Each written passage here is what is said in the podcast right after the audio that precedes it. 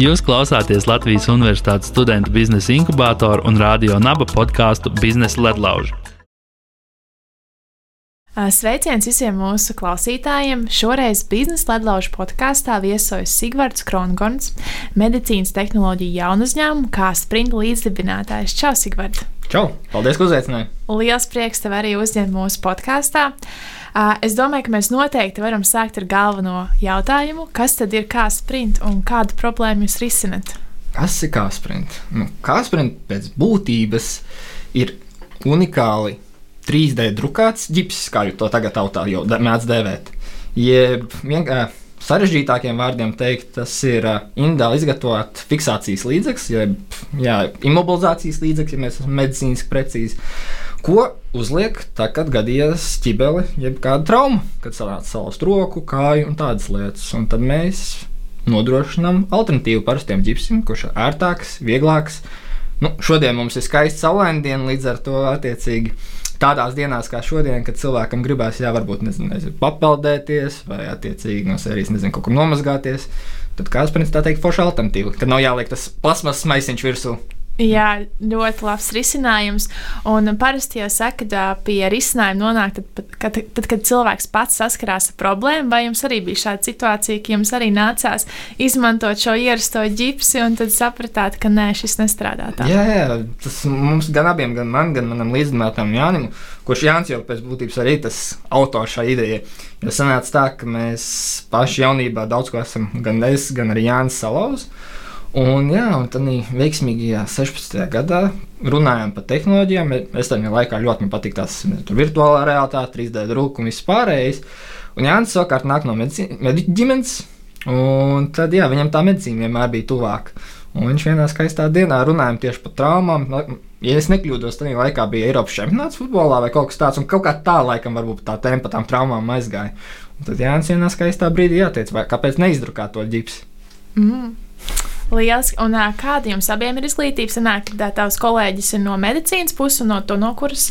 Nē, mums sanāk, Jānis arī ir tas pirmais, kurš no savas ģimenes, kurš neaizgāja uz medicīnu.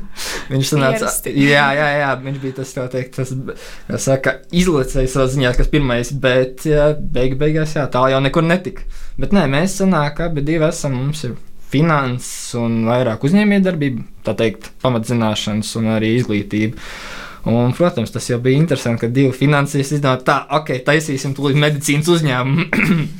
bija tā interesanti. Ok, un tad pirmais jautājums arī, protams, tā mums mēs izdomājām šo, papētījām Google, ka ideja nav unikāla, bet sapratām, ka tomēr ir iespējas, kā saka, piedāvāt, mēģināt uz, radīt tādu pakalpojumu. Tad, protams, mums vajadzēja pirmā lieta atrast kādu doktoru, kurš ir zinošāks un pateikt viņam uzprasīt to galveno jautājumu, vai vispār tas ir legāli, ko mēs gribam darīt. Un, nu jā, tieši īstenībā ļoti labi ievirzījies tēmā, jo es tieši par, aprunāties par to, kā tad jūs ieviesāt šo produktu. Varbūt arī sākumā var pastāstīt, kāds ir jūsu biznesa modelis, kā pacients nonāk līdz jūsu produktam. Kā pacients, nu, klasiskākais par citāju medicīnu, tad vienmēr tā pa vidu būs vienmēr medicīnas iestāde un ārsts. Un tas ir tas, kas svarīgais un no biznesa viedokļa arī izaicinošākais. Ir ceļš pirmsākumos, ka tomēr mēs runājam par cilvēku veselību, ka tomēr nevar tā teikt, šodien mēs tūlīt kaut ko liksim. Ja? Nu, lūk, pagāja laiks, kamēr gan saprot, ko drīkst, ko nedrīkst, kāda vispār ir medicīniskie pamati, kādos gadījumos drīkst likt to kāspēju, kādos nedrīkst. Protams, pārbaudīt. Tad ir, protams, arī regulators, kas ir pārbaudu vispār, vai ir nepieciešams certifikācija un tādas lietas. Un, jā, nu, tas pagāja teikt, diezgan ilgs laiks. Un mūsu biznesa modelis šobrīd ir tāds, ka mēs sadarbojamies ar medicīnas iestādēm, galvenokārt uh, privātajām medicīnas iestādēm, kur attiecīgi, tā, kad vai nu pacients caur medicīnas iestādēm, vai klasiskākais gadījums ir tā, ka pacients uzved mums, vai arī uzrakst mums sociālajos tīklos, un tad mēs cenšamies viņus teikt, virzīt uz tuvāko klīniku, kur iespējams viņiem saņemt to pakalpojumu. Tā teikt, no medicīnas un no kā. Kā sprinta biznesa mēs vairāk esam kā loģistikas biznesa, kur sūtām tā teikt pacients, jā, jūs esat no Ventspils, tad uz Ventspils slimnīcu, ja esat no Rīgas, tad uz turienu un tā tālāk un tā joprojām. Mm -hmm. Un jūs sadarbojaties vairākām slimnīcām, arī privātajām medicīniskajām iestādēm. Kā jūs izveidojāt šīs sadarbības? Kāds bija tas ceļš? Nu, ceļš bija ļoti teikt, izaicinošs, pietiekami garš, un es teiktu, joprojām turpinās. Jo uh, skaidrs tas, ka uh, tāpēc arī Kāsprina galvenokārt tomēr privātās medicīnas iestādēs, jo tā iemesla dēļ, kad mēs sapratām to, ka nu, viena lieta ir pats produkts, bet svarīgāks ceļš medicīnā ir tas, kā tas produkts iev, teikt, atrodas vai kā viņš ieviešās teikt, plašākajā ķēdītē, piemēram, tā saucamajā pacienta ceļā. Un proti, ka mums piemēram gadās trauma, tad klasiskākais tev aizved uz traumu punktu, tev veids izmeklējumu, tev uzliek ģipsi, tev aizsūta mājās, pēc desmit dienām tev ir kontrole. Un kurā šī brīdī Kāspērns vispār tā teikt, var tikt piedāvāts, ņemot vērā, ka A ir jāveic 3D skenējums, B viņš drukāsies vismaz nu, šobrīd, kā saka, tur 10 stundas mums ir rekords, laikam, varbūt pat 5 stundas jau pāris. Vairākiem printeriem mēs to sadalām, bet attiecīgi ģips vajag uzreiz. Nu, lūk, līdz ar to, kurā brīdī vispār var piedāvāt viņu. Un neviens cilvēks taču negaidīs, un vēl jau vairāk slimnīcā, kur ir 10, 20 pacienti vēl gaida rindā, kad Nu jā, kurā brīdī piedāvāt viņu, un lai attiecīgi neizmainītu esošos sistēmas slimnīcās, tur arī pats saucamajā pacienta ceļā. Un, nu jā, tas, tas bija tas ilgākais ceļš, saprast, nu, kurā brīdī var piedāvāt. Un tajā brīdī, kad mēs pirmos prototipus arī izgatavojām, sapratām, ka tur 24 stundas drukājās, un tur vairāk mēs domājam, nu, neviens taču negaidīs slimnīcā 24 stundas vienu ģipsi. Nu, lūk. Protams, mums atkal paveicās to, ka mums ir superīgi traumatologi un ārsti, kas attiecīgi bija pietiekami atvērti un pamācīja mums. Teica, klausieties, ka ir tāda lieta kā kontrols vizīte, ka pirmajā dienā tam nemaz ģips neliks. Tā teikt, uzliks longitīti no vienas puses un aizsūtīs mājās, un pēc septiņiem, desmit dienām jānāk pārbaudīties pie traumatologa. Vai kauls sāc dzīt, vai attiecīgi kaut kāda nobīde, ja ir nobīde, attiecīgi vai tur operācija vai kaut kas savādāks. Bet, ja viss ir ok, tad teorētiski tu vari arī nomainīt uz kaut ko citu. Vai tas būtu kā sprints vai kāda cita alternatīva, kas tur termoplasts tur un tādas lietas. Nu, lūk, un tad jā, sapratām to, ka faktiski, lai arī vizuāli pašos pirmsākos, nu, ģips tās traumas uzreiz slimnīca, ja? bet realitāte izrādās, ka tas mūsu pakalpojums ir nevis tādā akūtajā fāzē, bet arī vairāk tieši tādā otrai, otrajā vizītē faktiski. Nu, un tādas visādas tādas tā, lietas, ko mēs sākotnēji nevarējām iedomāties. Un Tas ir, protams, ne tikai mums, bet jebkuram citam jaunuzņēmumam. Protams, tas, ko dibinātāji tur izdomā savā galvā, tas ir viena lieta, un tad ierodās tirgu, un tad saprot, pilnīgi, pilnīgi savādāk. Mm -hmm. Un uh, tu arī pats minēji, ka jūs esat tādi tā kā vairāk divi uzņēmēji, finansisti. Kā jūs izveidojāt šo pirmo sadarbību, kā jūs, kā jūs ārsti uztvērāt, jums nebija šī medicīniskais šis uh, backgrounds? Vai? Ļoti skeptiski. pilnīgi nopietni, ļoti skeptiski. Un, un tāpēc jau vajadzēja pēc iespējas ātrāk dabūt to pirmo silto īpašumu. Tā sil, saucamais warm introduction, angļuiski, jeb silto iepazīstināšana, kad ir tas pirmais medicīnas profesionāls, kaut vai attiecīgi ne no traumatoloģijas, bet vismaz ar medicīnas izglītību, kurš var teikt, ok, jā, nu, pakonsultē, pastāstīt vismaz. Ja? Un mēs paši jau vienmēr, līdz pat šai dienai, mums tāda filozofija, mēs dumji, doktori, gudri. Nu, līdz ar to mēs tā kā baltas lapas vienmēr ejam un prasām, nu, pastāstiet, padalieties pieredzē, kas šobrīd ir labi. Jo mēs arī vienmēr teicām, ja ģipsis tā teikt, esošais ir super, tad ok, viss kārtībā. Mēs varam drukāt, nezinu, tur mašīnas detaļas un vispārējo. Nu, nav jau problēma. Bet vienmēr ne, bija jaut, ne, nebija jautājums par to pašu produktu, Bet bija vienmēr jautājums, jā, a, cik ātri, kurā brīdī, kas notiks, ja kaut kas aizies greizi. Un visas lietas, kas faktiski ir, kā jau minēju, apkārt tam produktam. Nevis pats produkts. Produkts, man patīk, viens arī bērnu ķirurgs savulaik pastāstīja, nu, ģips, tas jau pēc būtības salauz pirkstu, pieliec pilspālu, apbintē viņu, un tev ir ģips. Nu, tā, ka, tādā ziņā viņš tā, tā nav raķešu kā to imobilizēt. Bet tā raķešu zinātnē tiešām bija to visu procesu apkārt, kā viņi izdarīt. Mm -hmm.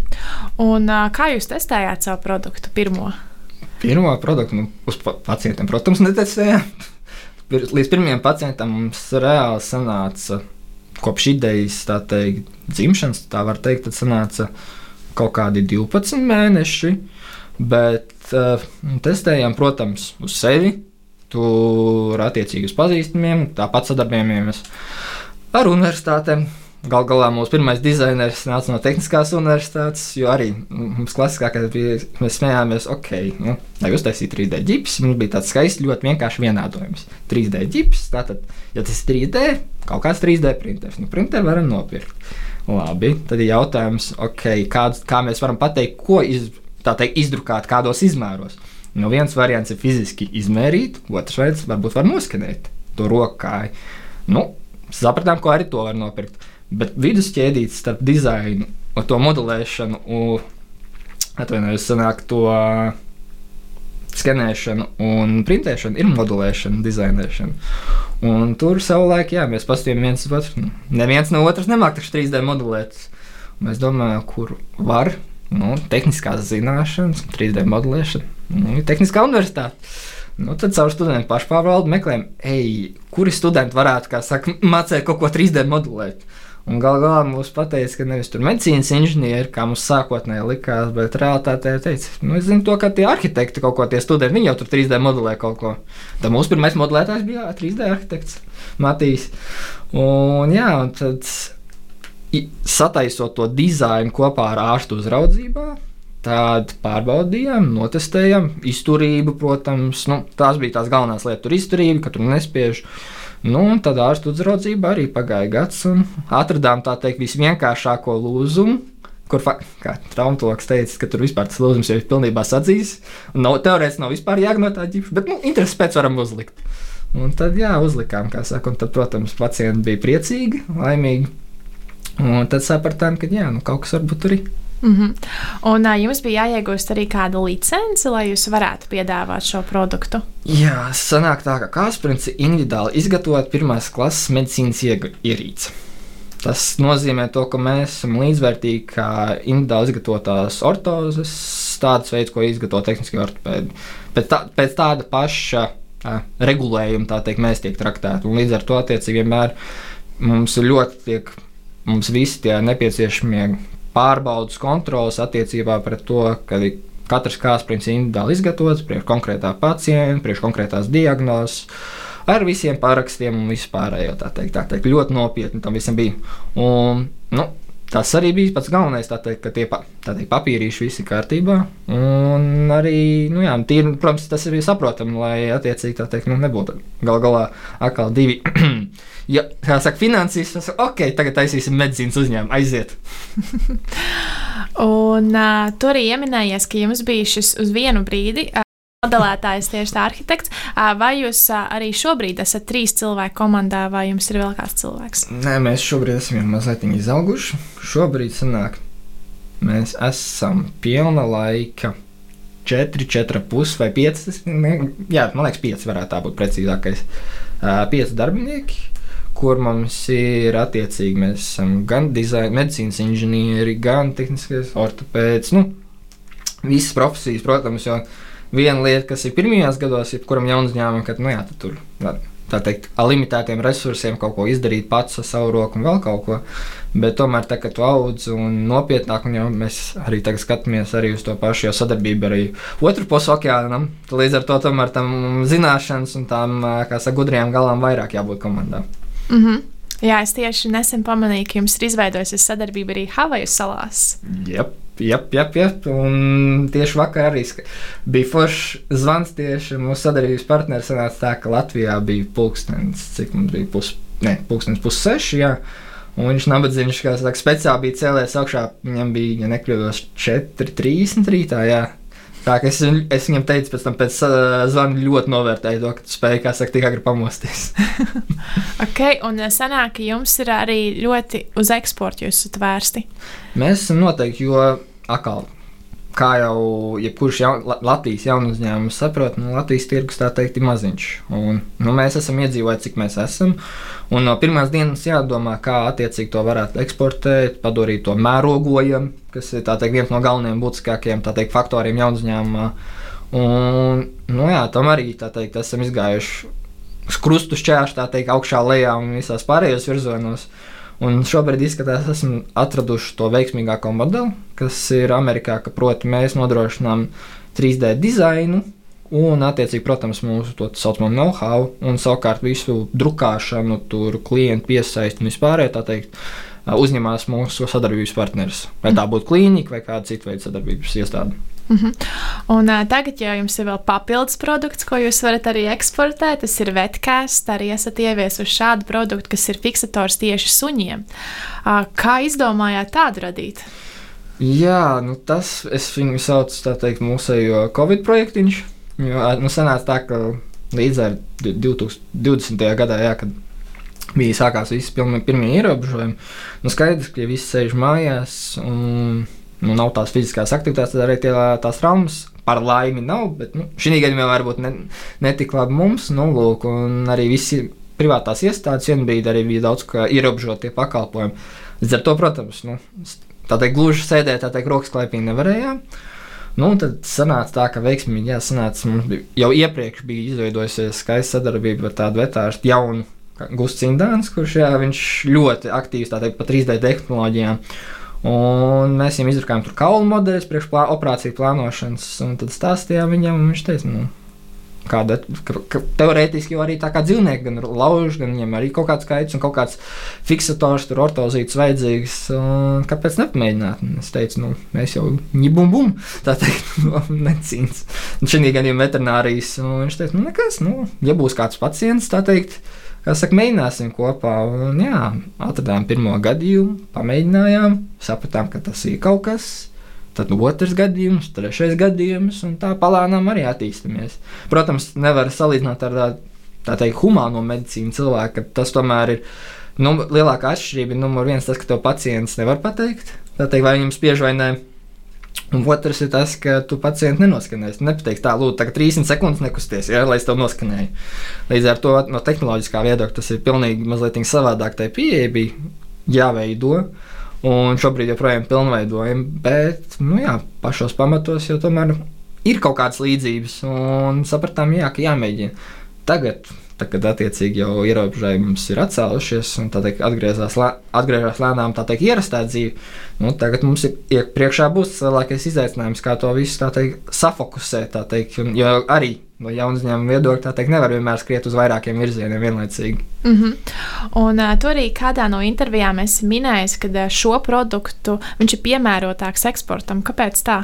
Jā, jo sanāk tā, ka viņu ir iespējams momentāli bez tās 3D skenēšanas pasūtīt. Tādā ziņā, ka, piemēram, atnākot uz mūsu vetkāstu mājaslapu, aizpildot tā pašu pasūtījumu anketu, ievedot tos fiziskos izmērus, nomērot dzīvnieciņu roku ķepu, tad ir iespējams uzreiz pasūtīt. Protams, šī stadijā joprojām mēs vēlētos iesaistīt arī vetārstu, ņemot vērā to, ka mēs dzīvnieku arī to pašu suņu sugas ir pietiekami dažādas. Uh, Un līdz ar to anatomija mazliet savādāk un vispārējais. Līdz ar to mēs labprāt iesaistām tomēr arī šī gadījumā tos vetārstus. Bet pēc būtības tas process jā, ir mazliet savādāks un tādā ziņā vairāk mērogojamāks. Jo attiecīgi nav nepieciešama tā 3D skenēšana, kas nozīmē to, ka tev teorētiski nav jāierodās uz kaut kādu konkrētu veterinārijas klīniku vai kaut kur savādāk. Kaut gan, nu, protams, pirms tam ir vajadzīgs tas viss izdarīt, jābūt izdarītam. Tā kā tādā ziņā viņš ir uzreiz piemērots rotāks priekšā, priekšā eksporta. Un kādas ir šim produktam galvenās eksporta valstis? Nu, šobrīd līdz šai dienai esam aizsūtījuši, kur mums Zviedrija bija, Somija, mm, à, uz Šveici sanāca. Jā. Nu, vairāk pa Eiropu sanāca. Tā, tā teikt, Ziemeļa Eiropa, tur centrāla Eiropa. Bet nu, ļoti ierobežota. Šobrīd, es, kā es saku, akā uz kāsprinta, tā teikt, humāno līmeni, tā teikt, tas ir tā teikt, nieciņi. Mm -hmm. Bet nu, kaut kur jau vienmēr jāsāk. Un, kā jūs veidojat ar šīm, droši vien ar veterināru klīnikām sadarbības, kā jūs viņus atrodat un kā jūs viņus uzrunājat? Nu, faktiski līdzīgi kā ar cilvēku doktoriem. Rādot, prasot, uzdodot daudzus jautājumus, ko mēs arī ātri sapratām, to, ka, ja, piemēram, uz cilvēkiem, jā, sākotnēji mums tiešām tā ir tie lūzumi un tādas lietas. Tad savukārt dzīvniekiem tie lūzumi nav tik bieži, un tur savukārt vairāk ir tās chroniskās kaitas, kas tur, piemēram, iekaisumi vai kaut kāda, nezinu, tur, piemēram, krustnisko šaišu, uh, tur pārāvumu vai tur, ceļš tur, uh, piemēram, suņiem. Un tad līdz ar to tur savukārt arī atkal ejot uz priekšu, piemēram, nedēļa jau vienkārši tā, ka tev nofiksēs, un viss dzīvnieks nepateiks, tā tagad lūdzu divus mēnešus, kā saka, guli. Viņš tomēr visu laiku mēģinās to ķepu kaut kur likt, gan skraidīt, kaut ko darīt. Un līdz ar to tur mums ātri vien pateica, ka tā teikt, imobilizācija un ģipšu forši vajag kustīgas. Jāsāk domāt par kustīgām, jādomā par elastīgām lietām. Un, nu jā, tad uzreiz, kā saka, kā inženieriem, tā teikt, uzreiz tālāk jādomā, kādas vispār materiālus izmantot, kādas vispār pieejamas 3D drukā un kā viņas padarīt elastīgas, kā viņas padarīt kustīgas ar kaut kādām, nezinu, arī tur eņģiem vai vēl kaut ko. Un gal galā kā to uzlikt virsū dzīvniekam, lai nenokrīt. Jo Visas šīs lietas, tā teikt, liekas, nu, ko tur uzliek virsū, pie ķepas, tā teikt, aiz, aiztaisīt ciet, nezinu, ar velkro, vēl kaut ko, un viss gatavs. Nu, tik vienkārši tas nav. Kā ātri vien sapratām, līdz ar to atkal tās nianses, un jo vairāk iedziļinies, jo vairāk saprot, ka tu ne tik daudz saproti. Un, jā, tas, kā saka, ilgs, pakāpenisks, bet nu, gal galā, tad, kad izdodas arī uzlikt virsū, protams, tās bildes un tās atsauksmes gan no dzīvnieku teikt, saimniekiem, gan arī no pašiem cilvēkiem. Faktiski tā, tās atsauksmes ir tās galvenais, tas motivācija, ko mēs arī līdz šai dienai teikt, ļoti turam pie sirds, kāpēc mēs par kaut ko tādu darām. Mm -hmm. uh, jā, tad arī jums ir diezgan daudz izaicinājumu, ar kuriem tikt galā. Un, protams, šīs atsauksmes arī motivē uh, darīt un turpināt tālāk attīstīties. Uh, arī izaicinājumi, kas droši vien tev ir, ir uh, pičošana ideja, ka tu piedalies ļoti daudzos dažādos. Uh, šajos pasākumos, kuros centies atrast investors, kas varētu jums palīdzēt vēl vairāk attīstīties, vai es iegūstu arī kaut kādas atziņas no šiem pičiem vai kaut kādas mācības, kuras tu gribētu nodot šiem jaunajiem uzņēmējiem?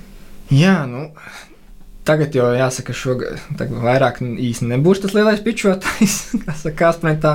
Bet, attiecīgi, tad, kad jā, pirmsākumos, pirmos gadus, kad mēs tiešām aktīvi piesaistījām tās pašas nezinu, tās tehnoloģiju, tās investīcijas un gājām pie investoriem uz tehnoloģiju pasākumiem, tad, protams, nācās daudz pičot. Un tā galvenā atziņa, ko atkal man veiksmīgi sanāca, tā, ka daudz ko pastāstīja arī atkal pieredzējušāki dibinātāji, jaunu uzņēmumu, gan investori Un sanāca tā, ka gal galā viss ir daudzkārt vienkāršāk, nu nevajag sarežģīt. Proti, tas piča, vai tas būtu viens minūtes, tur, vai 90 sekundes, vai 3 minūtes, vai 5 minūtes, gal galā to jāatbild uz trim jautājumiem.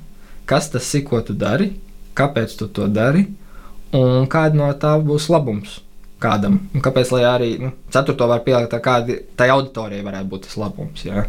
Un, ja tu tā pa, patur tos trīs četrus jautājumus sev visu laiku prātā, tad arī nevajag tā. Es saprotu, to, ka jo vienkāršāk un jo maz, mazāk tā teikt, tā, tos pašus nezinu, vispārinājumus un visādas tādas lietas stāstīs, jo būs vieglāk uztvert. Un jo vieglāk būs uztvert, jo teorētiski vajadzētu būt uh, vieglāk saprotamam. Un, ja ir vieglāk saprotams, tad tiem, kam tas interesēs, varētu pēc tam arī pie tevis sazināties un pastāstīt. Un tas jau gal galā ir tavs mērķis, ka vēlēsies, lai pēc tā piča pie tevis pienāktu uzrunāt tev, ar tevi parunātos, uzprasīt vēl papildus jautājumus un tā tālāk. Un tas, tā teikt, tā atkal no savas pieredzes, kā nedarīt, esmu savulaik arī daudz ko iemācījies, piemēram, it sevišķi uztraukuma laikā. Pārāk ātri runāt, pārāk daudz, mēģināt visu salikt ļoti daudz informācijas, tur biznesa plānu, tur vēl kaut ko, vēl kaut ko salikt iekšā tajās trijās minūtēs. Un tagad es jau skatos un uztraucies. Nu, protams, Bieži šādi ir ceļš pirmsākumā, sakot, tu pēkšņi aizmirsti, ko tur runāt. Ir ceļš, ja tu runā, piemēram, svešu valodā, tad pašā angļu valodā. Jā. Un tad viss šī tās, tā teikt, sasummējās. Un gal galā, jā, nu, tā teikt, grūtai auditorijai būs uztvert, ko tu vispār dari. Un tad līdz ar to ievelkam dziļi elpu, sapratu to un vienkārši cenšamies vienkāršiem paplašinātiem teikumiem pastāstīt, jā, kas es esmu, ko es daru un kāpēc teikt, kādam vajadzētu teikt, uztraukties par to, vai arī attiecīgi vajadzētu interesēties par to. Mm -hmm. Jā, noteikti klausītāji piefiksējiet šos jautājumus, jo, manuprāt, arī tas laiks ir ļoti ierobežots. Un ir jāizsakās pēc iespējas vienkāršāk, citādāk tā žūrija vai komisija sapratīs, ko tas gribēs nodot viņiem. Uh, jā, mēs esam jau nonākuši pie mūsu podkāstu pēdējā jautājuma. Uh, vai tu varbūt varētu padalīties ar trīs padomiem jaunajiem uzņēmējiem? okay, ja mēs ejam tā teikt secībā, viens padots, padoms varētu būt. Es domāju, ka Lielam ir viens padoms galvenais. nebaidīties un darīt. Nu, tādā ziņā, un varbūt es varētu teikt, vairāk pastāstīt par to padomu darīt, tādā ziņā, ka produkts nekad nebūs pabeigts. Tas ir numur viens. Un nebaidīties to rad, teikt, atrādīt sabiedrībai.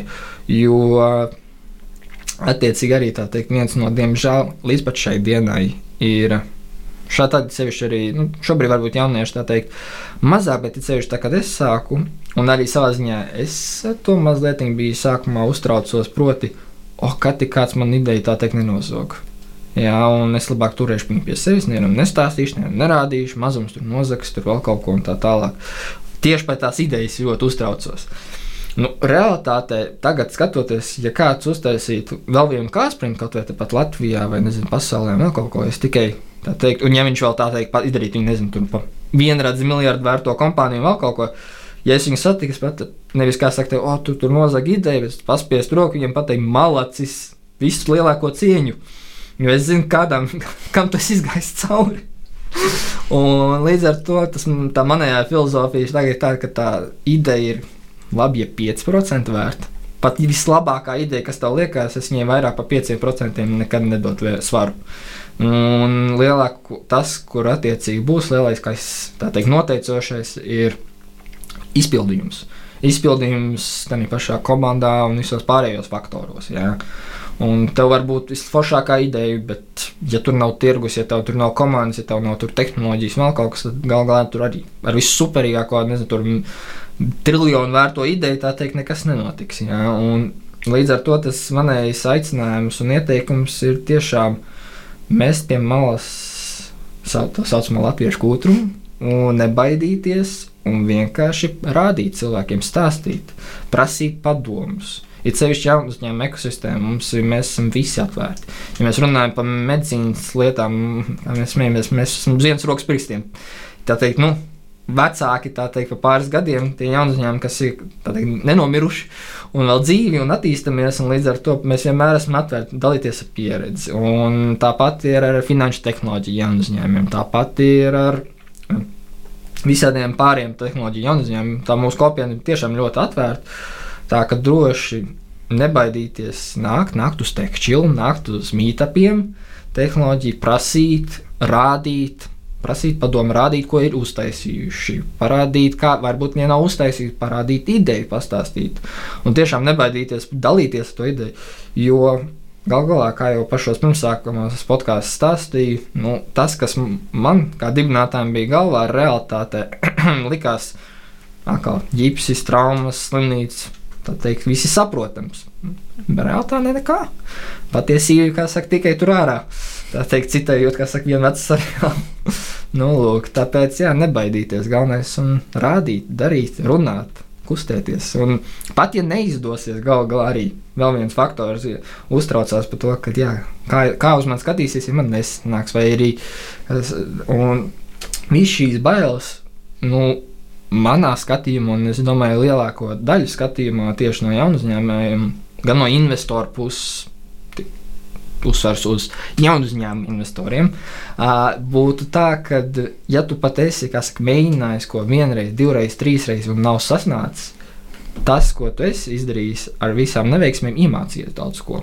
Un tas ir daudzkārt vērts nekā sēdēt mājās pie datora vai, nezinu, garāžā, vēl kaut kur tur ķimerēties pie tā produkta un nevienam neprādīt. Jo 99% pat arī tad, kad klasiskākais viss iedomājas, oh, būs projekts gatavs un es viņu palaidīšu, un tad uzreiz klienti nāks. Realtātē ir tā, ka tu palaidi to produktu un čuši, un neviens nenāk. Un tu gaidi tā smuki sēdi rociņas klēpī. Un kur tie klienti? Nav zvans, telefons klusē. Nevienam neinteresē. Izrādās. Un tev pašam aktīvi jāiet, jāpromo, tā teikt, jāmārketo savais produkts un tādas lietas. Jo pašs no sevis, nu, ļoti arī klasiskākais. Piemēram, ļoti foršs padoms un ideja bija Ernestam Štālam, arī vienam tekstilu dibinātājiem. Viņš tā skaisti salika, vai tu atceries, kad tika dibināts Uber? Vai tu atceries, kad tika palaists, nezinu, tur Skype vai tur Transferwise? Mēs zinām, ka tie ir lieli uzņēmumi, tehnoloģija, bet faktiski to dibināšanas momentu, vai tā kā viņi pirmo reizi tika fiziski palaist, mēs neatceramies, kurā, kura tā diena ir. Mēs tikai atceramies to, ka vienā brīdī mēs viņiem dzirdējām, jo viņi kaut kādā brīdī sasniedz to lielumu, ka pat cilvēki par viņiem jau sāk runāt. Bet to reālo, to pirmo klientu vai nezinu, to pirmo palaišanas momentu, kā saka, 99% neviens neatcerās. Tāpēc arī uz to baigi nevajadzētu ieceklēties. Vienkārši galu galā jā, mēģināt un darīt. Paldies, Sigvārds, ka padalījies savu padomiem un savu pieredzi. Jūs tiešām, manuprāt, darat ļoti labu darbu par savu produktu. Un tā tikai turpināt, vēl jaunas izaicinājumus paplašināties, lielāku paplašinātāju iespēju.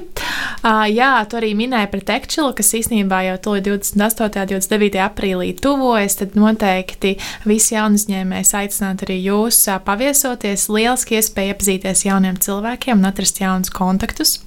Tā kā paldies tev, Sigvard, par sarunu, un tad ar jums skatītāji tiksimies jau nākamajā reizē. Paldies! Paldies! Atā! Atā.